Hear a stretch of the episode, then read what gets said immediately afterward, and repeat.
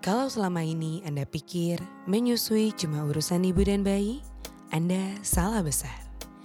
Karena faktanya, keberhasilan ibu menyusui sangat ditentukan dari seberapa besar dukungan yang ia dapat.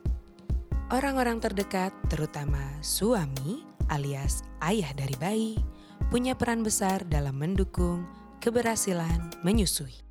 Nah, sepenting apa sebenarnya peran ayah dan apa saja yang ayah lakukan untuk mendukung ibu menyusui? Yuk simak obrolan seru para ayah. Ada Gesit Prayogi, Managing Editor Kumparan Otomotif, serta dua orang pendiri komunitas Ayah Asi, Rahmat Hidayat dan Sogi Indra Duaja. Halo, saat ini saya Gesit Prayogi sudah bersama dengan Mas Sogi Indra Duaja, seorang presenter dulu juga terkenal dengan komedian ya Mas ya. Dulu. Dulu ya. Dulu. Dan ditemani sama Mas Rahmat Hidayat, seorang karyawan swasta yang keduanya ini merupakan salah satu pendiri komunitas Ayah Asi. Apa kabar Mas? Kabar baik. Baik, Terima agak kasih. serak ini maaf ya kalau suaranya agak seksi. Ini komunitasnya keren banget ya kan? Komunitas Ayah Asi ini. Eh kalau keren Kata orang, semua orang keren. tahu ya. Kayaknya tapi semua orang nggak tahu jadi kayak masih kurang keren. Iya, iya. Karena gini, eh, kebetulan eh, saya ini kan juga baru sebagai ayah gitu. Woi, selamat selamat. Selamat ya, Ya, anak pertama lagi. Betul, terima kasih. Jadi memang pengalaman yang ternyata luar biasa. Bar- baru umur 40 hari dan saya baru sadar kalau pengalaman jadi orang tua tuh kayak sebenarnya manusia itu kan udah dari ada dari kapan tahu tapi ketika orang punya anak itu kayak pengalaman itu tuh belum pernah dirasain gitu. dirasain. Iya iya Iya iya kan? iya. kayak pengalaman baru meskipun ada orang tua tapi tetap aja rasanya tuh beda gitu. Iya, betul. Iya gak? Apalagi anak pertama. Selamat buat anak pertamanya Mas Gesit karena kamu akan yang paling dimanja. buat anak kedua siap-siap agak kurang dimanja. Mas, jujur ya ngomong-ngomong soal uh, menyusui itu. Awalnya tuh saya kaget gitu ya. Saya pikir uh, menyusui itu kan cuma perkara bayi itu nemuin puting ibunya dan dia hisap gitu ya. Iya. Tapi ternyata enggak gitu ya. Itu kenapa sih Mas kalau mungkin dari pe- pemahaman atau peng- peng- pengalaman dari Mas Hogi atau Mas Rahmat? Eh, jadi menyus- menyusui itu apa namanya? eh, kalau kita bilangnya menyusui itu lebih dari sekedar memberikan ASI. Jadi bukan cuma bukan cuma kontak fisik doang sebenarnya antara mulut bayi dan puting si ibu, tapi sebenarnya ada bonding di situ karena apa keluarnya ASI itu sebenarnya butuh effort eh, hormon oksitosin. Nah, hormon oksitosin ini sayangnya tidak diproduksi secara eh, apa namanya? secara otomatis gitu. Dia perlu rangsangan. Dan rangsangan itu harus dari orang luar atau diri sendiri si ibu. Nah, itu makanya butuh butuh bantuan semua orang, butuh butuh suami, butuh sentuhan sama bayi, butuh ngobrol sama bayi. Kalau ibunya senang hormon oksitosinnya meningkat, asinya lancar gitu. Dan kalau ibunya stres ya kebalikannya jadi asinya seret. Jadi itu kenapa kita bilang bahwa menyusui lebih dari sekedar memberikan asi karena memang faktornya tuh banyak banget gitu. Bukan cuma ngasih doang selesai gitu, enggak.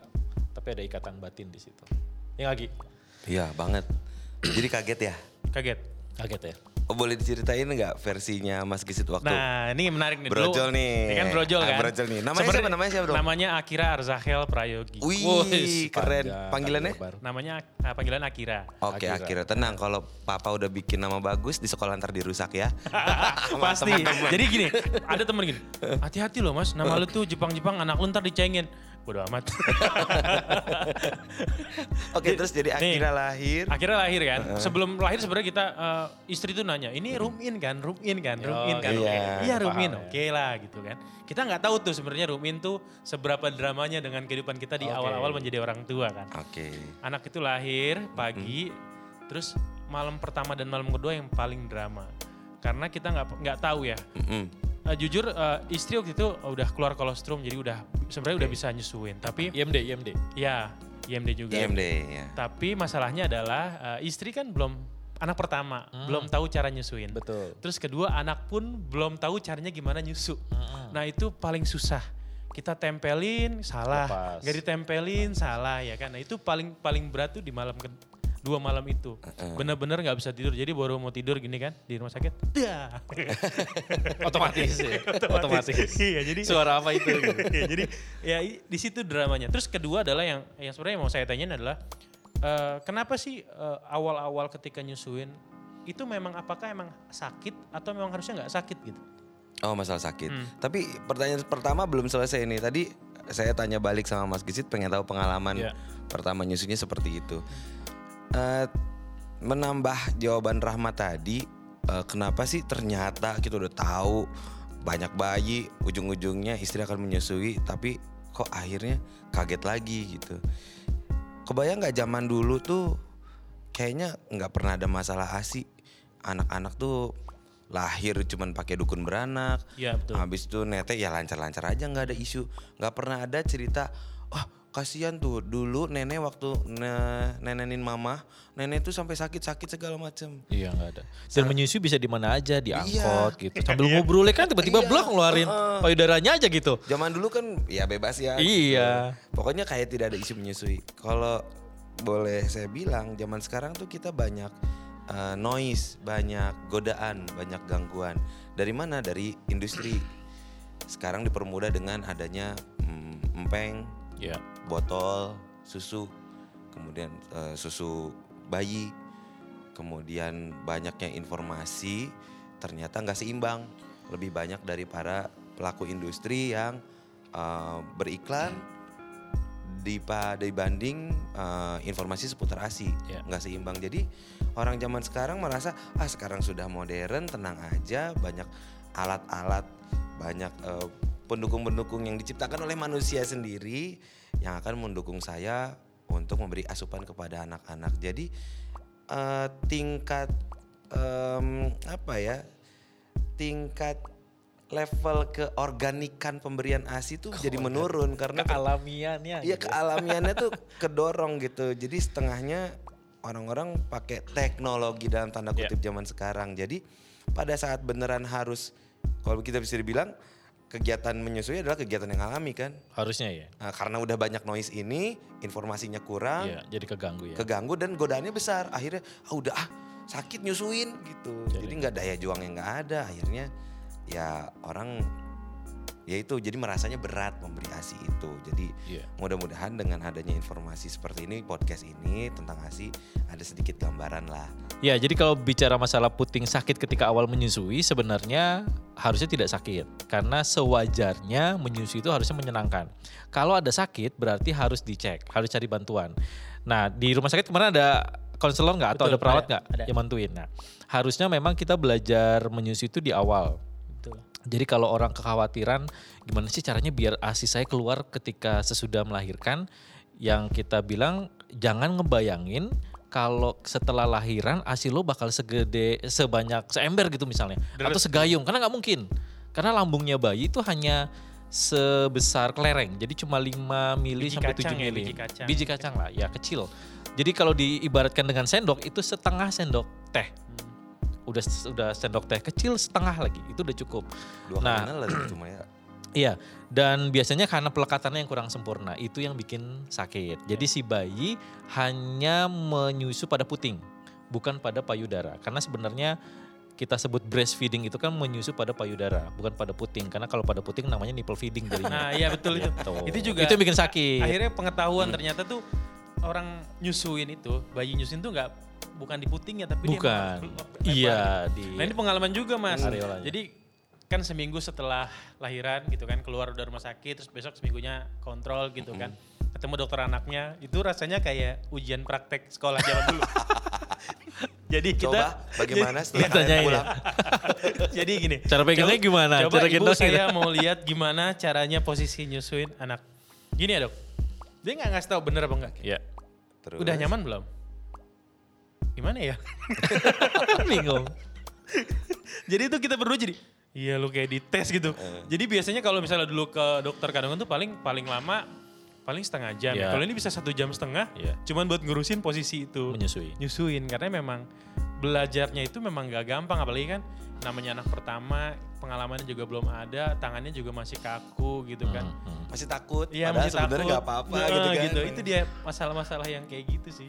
Iya dan eh, ya itu dia tadi makanya lebih baik kita tahu duluan ini buat buat yang lagi berproses untuk punya anak mungkin ya Iya. atau nanti mungkin istri sekarang sedang pada mengandung lebih baik tahu duluan daripada sakit duluan kadang-kadang sakit tuh yang bikin menyerah itu loh tadi. Iya betul. Eh, eh, kalau misalnya daya juangnya oke mau memperbaiki posisi dan segala macam kembali ke menyusui yang enak ya syukur gitu nah takutnya pada menyerah jadi mendingan tahu duluan deh belajar tentang asi sebelum ketemu sama tahap menyusui gitu sih yang Terus tadi nyambung juga sama uh, omongannya Mas Sogi kan tadi uh, sekarang kan udah banyak teknologi ada dot ada segala macam lah sampai ada susunya yang banyak varian dan produknya. Tapi uh, memang sih untungnya istri saya itu kekeh mau asi bahkan untuk urusan dot aja dia sampai sekarang belum mau tuh yang namanya ketika ngajarin anak tuh pakai susu yang udah di, di apa, Perah ya, perah ya, itu, si perah. Terus di pakai empeng atau pakai dot Hmm. dia masih kekeh pakai apa pipet atau pakai yang itu loh mas kayak tutup. Feeder. nah Cup feeder. gitu. ya. sebenarnya gini balik lagi seberapa penting sih mas asi gitu buat si anak penting banget ya kalau seberapa penting ASI. Eh, yang jauh lebih penting sebenarnya proses menyusuinya bukan bukan sekedar asinya gitu ya. Karena eh, ASI itu ya semua orang pasti tahu ASI itu baik, makanan terbaik dan cuma makanan satu-satunya untuk bayi usia 0 sampai 6 bulan gitu. Cuma problem sebenarnya adalah di proses menyusuinya ya. Karena proses menyusui ini kan nggak nggak hanya ibu sama anak doang, belum lagi kalau kembali bekerja. Urusannya udah sama orang kantor atau sama teman-teman gitu ya. Setiap 2-3 jam sekali pasti si ibu harus memerah ASI. Nah itu kan butuh bantuan dari orang kantor. Belum lagi kalau keluar rumah misalnya. Butuh bantuan orang masyarakat sekitar, tempat menyusui dan sebagainya. Jadi yang kita harapkan sebenarnya adalah memang butuh satu negara nih untuk bantuin orang menyusui. Untuk bantuin ibu menyusui. Karena Bu Robin Lim itu pernah bilang kegagalan eh, seorang an kegagalan menyusui itu bukan kegagalan ibu sebenarnya, tapi kegagalan lingkungan sekitarnya mendukung si ibu untuk menyusui gitu. nah, ngomongin soal dukungan ya terus sepenting apa sih dukungan saya gitu sebagai suami atau ayah gitu terhadap proses menyusui itu sendiri ah boleh nambahin nggak tentang asi Ya, boleh, boleh, boleh, boleh. asi kalau misalnya kita ngomongin kandungannya di podcast ini nanti podcastnya berserinya banyak Panjang. googling aja sendiri pada bisa baca kan. Tapi ada eh, satu hal dari asi yang tidak bisa kita dapatkan dari makanan apa pun yang lain yaitu adalah asi cairan hidup. Ya, di mana dia itu- bisa berubah-ubah setiap hari. kontennya, ingredientsnya dia bisa berubah. Karena dengan adanya koneksi antara ibu dan anak, somehow badan ibu bisa tahu kondisi anak apa yang dibutuhkan. Anak ini lagi lebih butuh mana? Apakah lebih butuh kadar airnya atau kadar lemaknya? Hmm. ASI itu akan bisa berubah. Kalau misalnya kita kasih makan, eh, kan kandungannya ya itu itu lagi kan. Kita udah tahu apa yang dikasih makan. Tapi ASI akan berubah dengan sendirinya. Se- berjalan dengan dia tumbuh kembang makin besar, Hmm. minggu pertama, minggu kedua sampai minggu puluhan, ASI itu berubah. Makanya kalau misalnya lihat kondisi ASI perah, pasti ih ini kok asinya cair, wah ini pasti jelek nih. Wah yang ini kok asinya kuning, wah yang ini berarti ini udah mau kadaluarsa. Padahal sebenarnya si asi ini lagi mengadjust sesuai dengan Kebutuhan kebutuhan bayi. si bayi gitu. bayinya. Jadi itu yang paling nomor itu sama satu kalau lagi sakit. Kalau Oh, bayinya lagi sakit, sakit, mm. asinya juga berubah menyesuaikan dengan kondisi si bayi gitu. Atau ibunya yang sakit, asinya juga menyesuaikan karena memproduksi antibodi buat Oh. bayinya. Nah terus itu soal itu kan terus juga ada yang beredar lah misalnya asi kanan sama asi kiri itu beda kan asi kanan Iya, itu iya, iya. asi Mitos kiri ya. itu apa airnya gitu Airnya, nggak Iya, sih? kenapa aja dia harus pilih-pilih? Kalau ada yang bilang juga eh, katanya suhu ASI itu kalau misalnya kita makan es ntar asinya jadi dingin. Nah, iya itu kalau makan pedas jadi pedas. Pedas ya itu aduh itu mitos zaman ini kayaknya. Madangkara. Enggak ya kiri kanan sama lah ya. sama sama karena ASI diproduksi cuma satu jenis. Hmm. Gitu. Jadi kiri kanan itu sama aja eh, yang membedakan memang kandungan lemaknya tapi itu balik lagi ke Sogi tadi kan. Jadi memang menyesuaikan kebutuhan bayinya gitu. Jadi itu mitos belaka. Cuma Dan mitos ya. Payudara juga bukan dispenser ya. Jadi nggak bisa keluar dingin, panas gitu tuh nggak bisa. bisa. Suhu suhu ASI yang keluar dari payudara itu stabil di suhu 37 derajat. Iya di suhu Jadi hangat. tubuh ibunya ya. Ya. Terus kalau ngomongin tadi kan support lingkungan itu penting. Nah, kalau dari sisi suami itu sebenarnya support seperti apa sih yang harusnya diberikan untuk supaya si istri itu makin semangat gitu untuk nyusuin? Iya kalau ngomongin dukungan, wah itu harus dari awal banget. Bahkan ada pasangan yang sebelum menikah pacarnya cowoknya nih ya disuruh datang ke seminar ASI. kamu kalau mau menikahi aku kamu harus tahu tentang ASI ntar anak. Eh kemarin ada ASI. yang kelas Ayasi di Jakarta kan? kelas ASI di Jakarta yang Luar pertama biasa gitu. itu. Dari Bandung lagi. Eh bukan Dari dari Bandung. bukan dari Bandung. lupa dari mana. Iya dia datang. Jadi semuanya udah punya istri punya anak, tiba-tiba satu single kita cengin aja di kelas. Jadi dia belum pernah melihat payudara. Bahkan film porno pun gitu. Itu abis dibully. Habis dibully. Berarti dia melewati pelajaran biologi. iya. iya. Nah, eh, dari situ kemudian pada saat menikah komitmennya bagaimana? Kalau waktu saya menikah sama istri eh, belum ada obrolan itu. Ketika istri saya positif hamil, dia langsung bilang sama saya, eh, pokoknya aku mau ASI eksklusif. Waktu itu saya bener-bener nggak ngerti apaan ASI eksklusif. Googling, cuman tahu Eksklusif ngasih ASI selama enam bulan. Oke, enam bulan cuman sebentar. Udah cuman tahu itu aja. Anaknya brojol, anaknya brojol eh belum. Sebelum anaknya brojol udah hamil gede saya dikasih lah link-linknya waktu itu sama istri. Ini baca. Suruh baca. Wow ada IMD ada ini ada itu. Wah ternyata banyak terus habis itu waktu lahir karena males baca akhirnya saya cuman ngikutin perintah istri jadi maksudnya eh, oke butuh bantuan apa? Terima order. Apa pun yang dia suruh saya lakuin. Karena saya nggak bisa punya inisiatif karena nggak punya ilmunya. Nggak punya ilmu, iya. gitu. Nah jadi diharapkan kalau misalnya suami pengen bantu ya kalau bisa tahu ilmunya duluan. Kita punya buku namanya catatan ayah asi. Iya. terus ada materi-materi tentang asi lainnya yang bisa dibaca online gratis lah banyak. Iya. kumparan juga banyak tuh kumparan mam. Iya. yang Oh, membahas iya, iya, tentang betul. asi itu banyak banget. Nah jadi kalau dibilang dukungannya gimana ya banyak dari mulai awal banget kemudian nanti itu ilmu tentang asinya untuk si suami sama istri milih rumah sakit dan dokter pro asi nah Betul. terus apa lagi mat Shopping itu tadi ya. Jadi eh, tadi istilah rooming in, bedding in gitu Hmm. karena kita tidak merekomendasikan kalau bayi baru lahir dipisah Iya. ruangannya. Jadi kalau sebisa mungkin memang rooming in. Kemudian tadi cari informasi sudah menjadi apa namanya eh, yang selalu menyenangkan hati istri gitu. Jadi kalau memang bisa buat makanan sendiri di rumah ya buat makan sendiri, bikin kopi sendiri. Eh, kemudian jangan lupa untuk selalu memijat istri. gitu. nah Karena menyusui itu ka- buat suami itu kadang kalau ngelihat istri menyusui itu kan kayaknya cuma duduk doang, kemudian tiduran doang gitu. Padahal dalam satu hari itu bisa membakar 300 sampai 500 kalori dalam sehari. menyusui Makanya berat badannya itu kayak bolak ya. itu dia. 500 kalori itu lari 10 km loh saya iya. Panjang. Terus habis itu ya tadi menyenangkan istri otomatis ada hormon oksitosin itu kan. Hormon kebahagiaan asinya ntar jadi lancar. Terus habis itu em, yang paling penting adalah komunikasi sebenarnya. Iya, iya betul. Istri tuh harus cerita maunya gimana, bentuk dukungannya dari suami. Iya. Suami juga harus mau terbuka, ngasih waktu lebih banyak, apalagi dengan adat ketimuran kita yang katanya anak mah urusan istri. Iya. Iya, betul. Ih, padahal mah. Enggak kalau saya mah. Oh iya bagus. Wes, mantap. Saya itu tidak akan berangkat ke kantor kalau belum mandiin anak. Eh, keren. sama istrinya. Iya. Mau mandiin istri juga dong. Tapi ya itulah pokoknya intinya komunikasi, Iya, iya. eh, kerjasama, sama satu lagi suami, please ajak orang-orang yang ada di sekitar istri juga. Kalau suaminya lagi kerja, kita lagi nggak bisa bantu, kita tuh harus punya tumpuan harapan juga. Di rumah ada siapa? Apakah ada eh, asisten rumah tangga, atau mertua. mertua atau orang tua kita sendiri. Itu lebih awal lagi tuh ngasih tahu mereka karena mereka sama sekali tidak ada hubungannya dengan langsung s- betul. kegiatan menyusui. Betul. harus dikabarin sama mereka. Hei di rumah ini wow langsung akan ada bayi dan bayi ini akan Mendapatkan hanya gitu ya. asi selama enam bulan.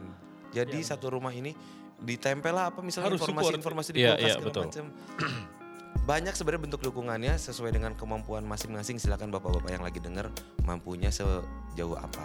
Karena dari pengalaman kita keluarga menjadi pendukung utama, tapi di sisi lain keluarga juga menjadi penghalang utama untuk Betul. keberhasilan menyusui. Iya. Nah, kita sebagai laki-laki harus bisa menjaga istri kita dari cengkraman mertuanya, yaitu orang tua kita sendiri. iya betul, betul betul. Dan sebegitu juga sebaliknya, si istri nanti akan yang uh, bisa menjadi tameng kalau misalnya masalahnya datangnya dari orang tuanya sang istri misalnya. Misalnya Mas Gesit komit kan untuk ASI, tapi kan sama mertua mah kita nggak enakan ya Mas Iya, Gesit ya. Lebih nggak enakan. Padahal mah di belakang. Iya iya di depan, di belakang nggak dilaksanain gitu. Ya itu harus. Nah itu dia komunikasinya akhirnya Iya. bukan cuma antara suami sama istri, tapi dengan lingkungan rumah lainnya. Tapi emang kalau saya sih ngerasa ya kayaknya memang dalam kasus melahirkan gitu ya. Kayaknya Hmm. orang tua itu yang laki-laki pun juga kayaknya dapat harus mendapat apa ya jatah untuk cuti sebulan lah gitu.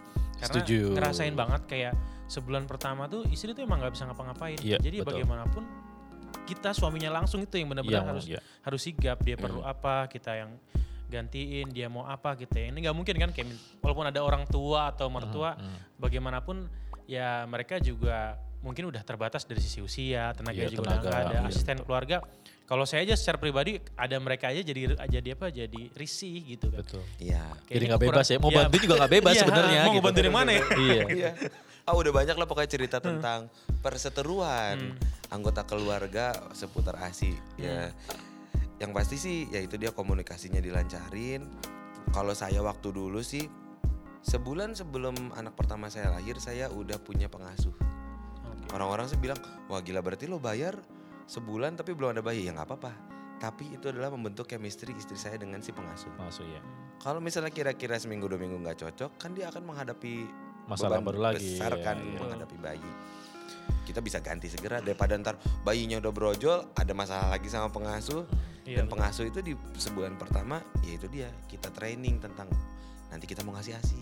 Iya. Untungnya nih pengasuh udah pernah megang bayi yang pakai asi. Masih. Hal-hal seperti itulah strategi disiapkan. Jadi bukan cuma mikirin uang buat lahiran, bukan mikirin kamar bayi, stroller, tapi dipikirin juga strategi bagaimana nanti si lingkungan si bayi ini Siap ya. Ya. mendukung sama ibu juga mendukung Jadi asi. Jadi memang persiapan punya anak itu untuk masalah ASI ini ya kalau bisa sebelum anak itu jadi bahkan ya. Iya. Betul. Bahkan sebelum nikah gitu sudah dibahas. Jadi ketika sudah proses hamil semua tuh udah sama-sama bisa diajak ngobrol, Iya. diajak diskusi. Nah itu yang sebenarnya menurut kita agak miss ya buat obrolan si suami dan istri atau pasangan ini nih Mhm. menentukan anak gue nanti bakal dikasih apa ya kira-kira gitu. Karena Nama aja dipikirin sampai banyak pilihan. iya, karena sering kali berantem ketika anak usia 0 sampai 3 bulan deh itu. Karena kan anak masih bergadang, begadang ya. Hmm. Apa malam tidur, suaminya kadang penuh tuntutan, gue kan habis kerja gitu, belum tidur ini dan sebagainya gitu. Nah kalau komunikasi nggak lancar, itu pasti berantakan. Iya, betul. Sementara istri akhirnya karena karena berantem jadi nggak bisa curhat, gue mau curhat ke mana Iya, gitu. Kesan tahu. Akhirnya gagal menyusui gitu. Iya pernah dengar baby blues nggak? Ya itu istilah yang pada saat istri merasa udah berjuang seribu persen, Iya. suami baru pulang Langsung- malam-malam. pulang mandi tidur lagi. Iya, padahal, padahal cuman cukup dengerin ceritanya aja seharian tuh Iya, si betul. istri mengalami apa aja sama bayi, cuman itu doang. Akhirnya nggak keluar karena komunikasi jelek. Istri tiba-tiba merasa aku adalah istri dan ibu yang buruk. Ibu yang gagal. Ibu yang gagal, anakku selalu nangis, aksiku sedikit, suamiku tidak bahagia. Semua beban tuh ada di senternya. Nah, Iya. ya untuk menyokong si ibu ini yang ada di center ya lingkungan sekitar. lingkungan sekitarnya. Ya keluarga inti sih bagaimanapun kayak Betul. misalnya keluarga kecil kita ya itu. Mhm. Itu tadi kayak saya bilang kan kayak memang lebih baiknya kalau misalnya orang mau nikah jangan mikirin anaknya aja gitu kan. Betul. Iya. Ya, mau mikirin ntar oh gue kalau udah nikah sama dia gini gini gini gini. Sementara ketika nanti punya anak gitu kan oper aja orang tua, oper aja mertua. Iya. Padahal bagaimanapun kalau saya secara pribadi kayaknya lebih enak lebih bertanggung jawab kalau tuh anak di kita juga gitu. Nah, Karena masih banyak kasus kayak misalnya gitu ya. Eh, mungkin di keluarga sendiri atau teman sendiri gitu nitipin anak ke orang tua dalam kondisi anaknya belum mandi Ya, bahkan ya, anaknya tuh ya, datang ya. ke orang tuanya dengan kondisi orang tuanya suruh nyebokin doang gitu kan. Ya, ya, nah itu masalah lain ini masalah asi bah- bahkan jauh lebih penting dan harus dibahas. Nah, ngomong-ngomong soal ASI nih Mas. Tadi kan juga uh, seberapa penting banget kan untuk support lingkungan atau bahkan suami sendiri untuk support istri supaya ayo ASI ASI ASI. Nah, apa sih dampaknya kalau misalnya tuh istri nggak dapat support penuh dari lingkungan atau bahkan dari suaminya? Jadi tadi soal uh, apa tadi seberapa Dampaknya kalau dampak kalau tidak ada support dari keluarga atau bahkan ayah. Iya, yang jelas kalau dari sisi uh, kesehatan menyusui itu kan sebenarnya punya dampak positif baik dari ibu, anak atau uh, si ayahnya gitu ya. Misalnya dari sisi ibu uh, menurunkan risiko kanker payudara, kemudian menurunkan risiko kanker ovarium dan sebagainya. Jadi dari sisi kesehatan ada banyak banget. Kalau dampaknya kemudian dia tidak berhasil menyusui ya risiko itu pasti akan akan meningkat. Dari sisi bayi pun begitu, dari sisi kesehatan juga pasti akan akan akan ada lah gitu ya. Nah dari sisi bapak jelas dari sisi finansial ya. Oh, kalau menyusui, waduh, kalau menyusui itu luar biasa sekali Betul, itu. betul, betul, betul. Itu eh, teman-teman Aimi pernah mengadakan penelitian, jadi se sebulan itu bisa menghabiskan 2 juta. Itu kan kalau ditabung lumayan. Minimal buat bapaknya bisa beli gadget baru. Iya, anak DP baru lah motor. iya benar. Lumayan kan. Anaknya bisa dapat baju baru, mainan atau hal yang lebih mendukung lagi. AIMI itu Asosiasi Ibu Menyusui Indonesia ya. Gitu. Terus em, bondingnya, Iya ya bening, bening. bondingnya em, begitu juga dengan ayah. Eh, buat saya kalau kita ngomongin ayah, kalau kita ayah sudah dari awal terlibat ngurusin anak bareng-bareng, apalagi bagian pemberian asinya, karena itu adalah titik yang paling krusial, titik yang paling rumit, titik yang paling eh, sensitif. Sensitifnya bisa bikin emosi, bisa bikin bahagia segala macam. Nah, buat saya kan kita ayah nggak pernah netain langsung. Kalau ibu kan bayinya netain langsung, bondingnya udah jelas lah ya, karena Iya. mereka skin to skin kan. Nah, kalau buat saya bonding sama ayah adalah pada saat nih anak udah berhenti asi, terus kita ayah tuh kayak kehilangan kerjaan gitu loh. Oke, terus saya ngurusin apanya lagi?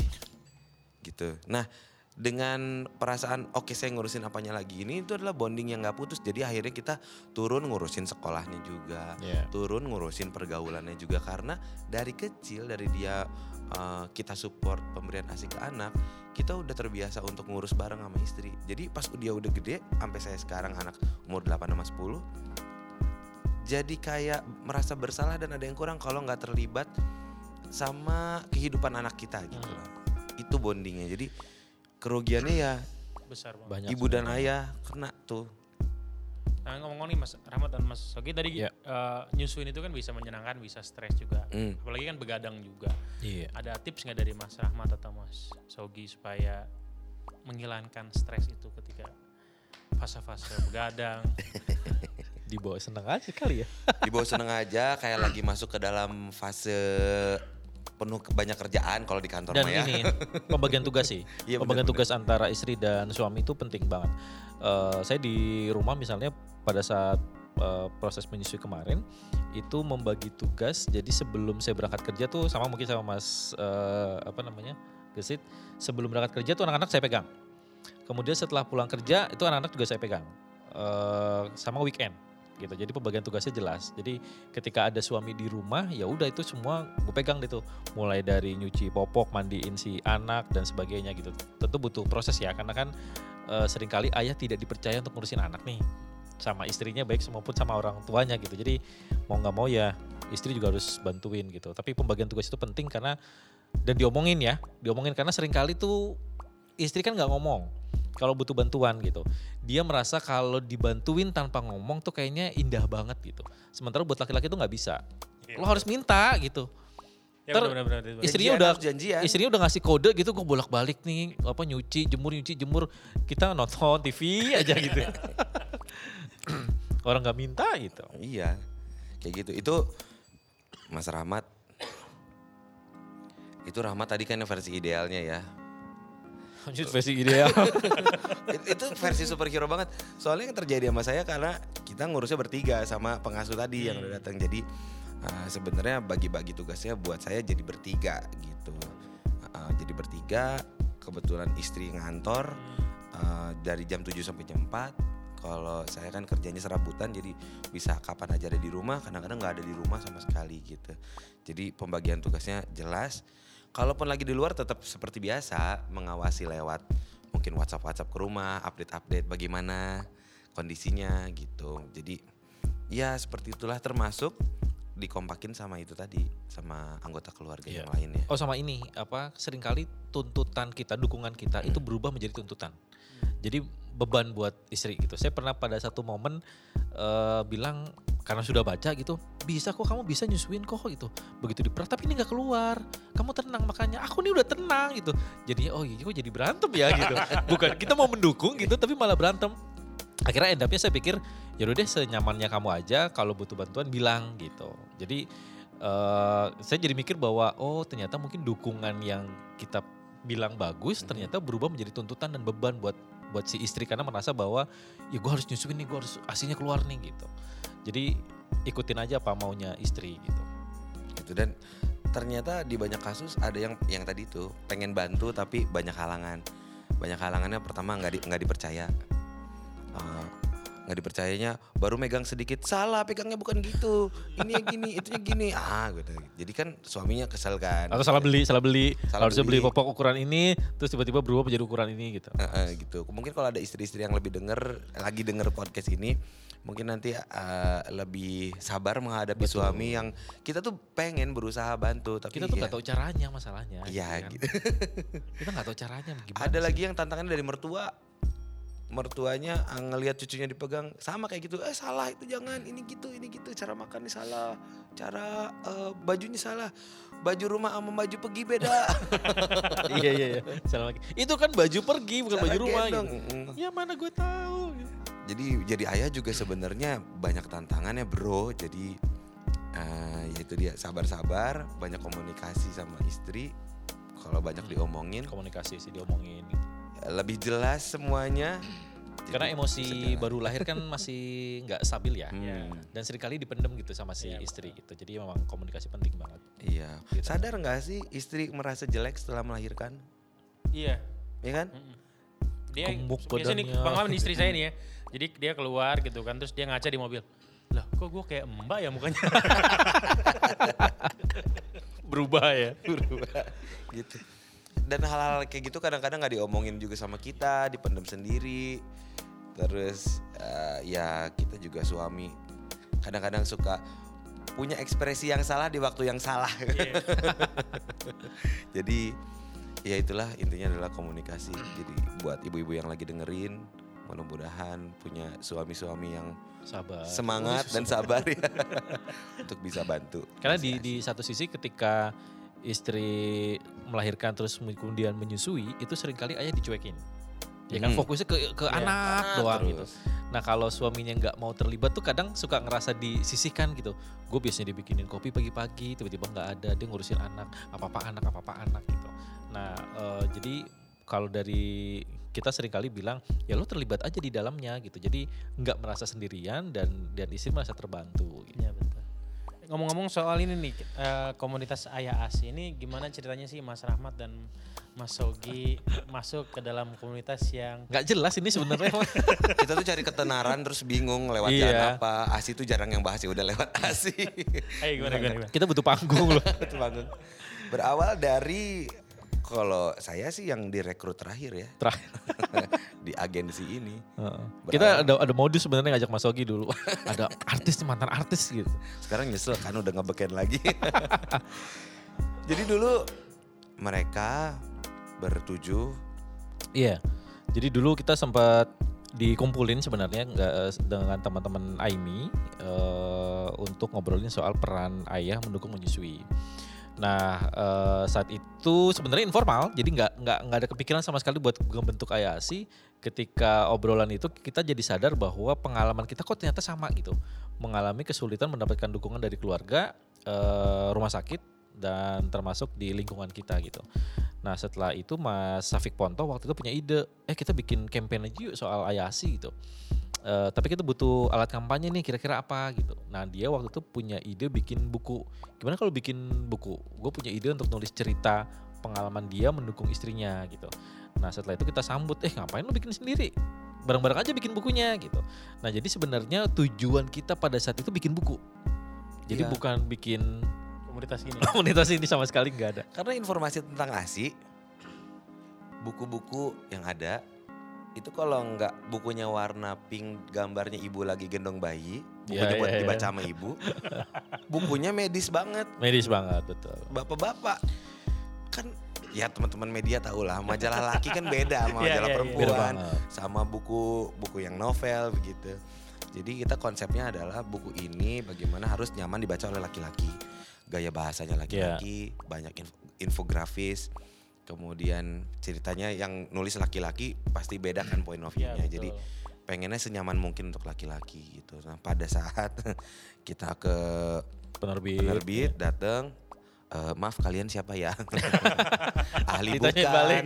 konselor Dokter bukan buku soal parenting itu penjualan juga nggak bukan yang fantastis Iya, fantastis amat gitu jadi apa alasannya kita harus nerbitin buku Bingung. ini Jualnya Gitu. gimana ini Jualnya kita? gimana, gitu. terus akhirnya kita oh waktu itu lagi musim Twitter pada zamannya ya kita Heeh. bikin Twitter akhirnya dan cara penyampaiannya itu memang kita memindahkan gaya obrolan kita ketemu sehari-hari kita pindahin ke Twitter gitu. Twitter gitu ya. Jadi nggak nggak yang kaku banget, nggak yang medis banget gitu. Kita bilang payudara ya tete gitu. ya kita bilangin begitu iya dan iya bener pendekatannya pendekatannya memang lebih banyak seks akhirnya gitu karena ya cowok ya kita Dan bahan apa lagi. cowok-cowok Iya, gitu. cowok. ya Iya. udah. Cowok banget kan gitu. Dan akhirnya itu yang mungkin membuat orang akhirnya tertarik nih apaan sih bapak-bapak ngobrolin ini gitu. Banyak juga yang protes yang tidak nyaman dengan bahasa Oh banyak banyak banyak. bahasa nongkrong ya. Pada bahasa zamannya nongkrong banyak banget itu. Cuman menurut kita ya emang tujuan kita pengen bahasanya laki-laki supaya Sebumi sebumi mungkin bahasanya. Iya dari obrolan kan informasinya sama aja sebenarnya dengan buku-buku Betul. literasi ASI yang lainnya gitu. Jadi ya pengennya nyampe. Akhirnya banyak tuh followersnya. akhirnya banyak dan ya alhamdulillah bukunya akhirnya terjual Iya pas luar biasa. penerbitnya lihat oh followers kalian banyak, oke kalau gitu kita Percaya terbitkan ya setidaknya adalah dari followers kalian yang beli gitu. Terus sekarang udah heboh Instagram, kita heboh juga di Instagram. Kalau ngomongin aktivitas sama kegiatan itu apa aja sih yang rutin dilakukan? Nah itu tadi balik ke balik ke awal yang tidak pernah direncanakan itu kita nggak pernah merencanakan bikin sebuah organisasi, bikin sebuah komunitas pun termasuk kegiatannya gitu. Jadi memang kita nggak pernah eh setahun ke depan kita bikin kegiatan ini nggak pernah sama sekali gitu. Kalau lagi iseng kayak misalkan pekan menyusui dan kebetulan kemarin kita lagi punya modul, itu kita bikin kelas yuk gitu, keliling gitu. Kalau nggak ada acara mah ya nggak ada juga. Nggak ada. Jadi Kita kita juga juga kayak gini-gini bikin podcast kayak gini kalau ada waktu, nggak ada waktu ya nggak ada podcast. iya. kita bukan organisasi, nggak ada ketuanya, nggak ada RAB-nya. Kita komunitas yang suatu hari tiba-tiba dikontak sama bapak-bapak dari kota lain. "Eh, mohon maaf, apakah kita tuh pengen bikin komunitas ini juga di kota kami? Boleh nggak? Boleh gitu. nggak? Ki- Apakah kami eh, harus minta izin kepada pusat? Kepada Pusat, pusat. kita bingung pusat mana yang pusat. Kami dari Paguyuban pengguna ranking. Jadi teman-teman yang sekarang berada di daerah itu sebenarnya berinisiatif sendiri ngelihat apa yang ada di Jakarta gitu. Jadi bukan kita yang ngebentuk, eh ayo kita berbentuk inisiatif ini. Enggak. Ya. Nah, kalau yang organisasi yang punya um, badan hukum itu Asosiasi Ibu Menyusui Indonesia. Mereka yang melakukan um, Advokasi. advokasi visi dan misi lah ya. Bener kepada pemerintah. Karena kepada gini, kita posisinya lah. posisinya sadar bahwa kita bukan kita kan kayak pelengkap penderita doang sebenarnya. Mhm. Iya kan bukan Laki-laki, objek langsung suami, gitu. Kita mau teriak, ayo dukung menyusui kan ditanya balik lagi pengalaman lo apa soal menyusui paling kan bentuknya cuma dukungan doang gitu. Hmm. Jadi posisi kita sebenarnya hanya untuk meramaikan dunia perasian Perasian, ini doang iya. gitu. gitu. Yang Ya. yang maju ya tetap, tetap teman-teman Aimi lah yang maju. Iya. Followers kita juga kan namanya ayah sih ya. Followers emang ayah kan? Kagak. Ibu-ibu Ibu semua. yang Ibu- senang pak kita. Woi, ibu muda lagi Iya. nih. Iya, ibu-ibu muda lagi. Gak kelar-kelar. Oh, jadi sebenarnya itu motifnya ya? Itu dia. Ketahuan sama Mas Gesit nih. Kedok semua, kedok nih. Oh, gimana dari otomotif mau pindah nggak ke perasian sini? Itu istri-istri kita sampai komplain. Ini gue yang nyusuinya yang terkenal kok suami-suami kita ya. Kok kurang ajar ya gitu ya. Udahlah, otomotif udah jelas kan tiap tahun pameran SPG-nya itu lagi itu lagi sini ibu-ibu Muter aja di brandingin. lebih matang. itu Oh. ya gitu lah kurang lebih. Oke deh Mas Sogi sama Mas Rahmat, thank you Iya. banget. Obrolannya menarik, dapat banyak insight. Saya juga Sip, tahu sip. ternyata ASI itu penting banget dan buat kalian para calon ayah dan sedang mempertimbangkan untuk menikah, mulai juga untuk mulai cari-cari nanti ketika punya anak Iya, harus ASI atau betul. gimana dan harus mensupport penuh gitu. Hmm. Bagaimanapun eh, ketika menikah itu kita membuat keluarga. Benar sekali. Karena ada kutipan bagaimana negara itu maju ada dilihat dari keluarganya. Benar Kalau keluarganya nggak harmonis, negaranya juga tidak kan. Dan itu bermula dari bikinnya berdua, ngurus anaknya juga Nah, berdua. Oke deh. Makasih ya Mas ya. Sama-sama, thank you. Jadi, sangat jelas kan bahwa peran ayah sangat besar dalam keberhasilan ibu menyusui bayi. Makanya, yuk sama-sama rajin menggali informasi seputar menyusui dan pengasuhan anak. Sekian dulu podcast kali ini. Agar tidak ketinggalan podcast seru selanjutnya, follow Spotify kita, Cerita Kumparan. Dan terima kasih telah mendengarkan podcast Cerita Kumparan. Bye now.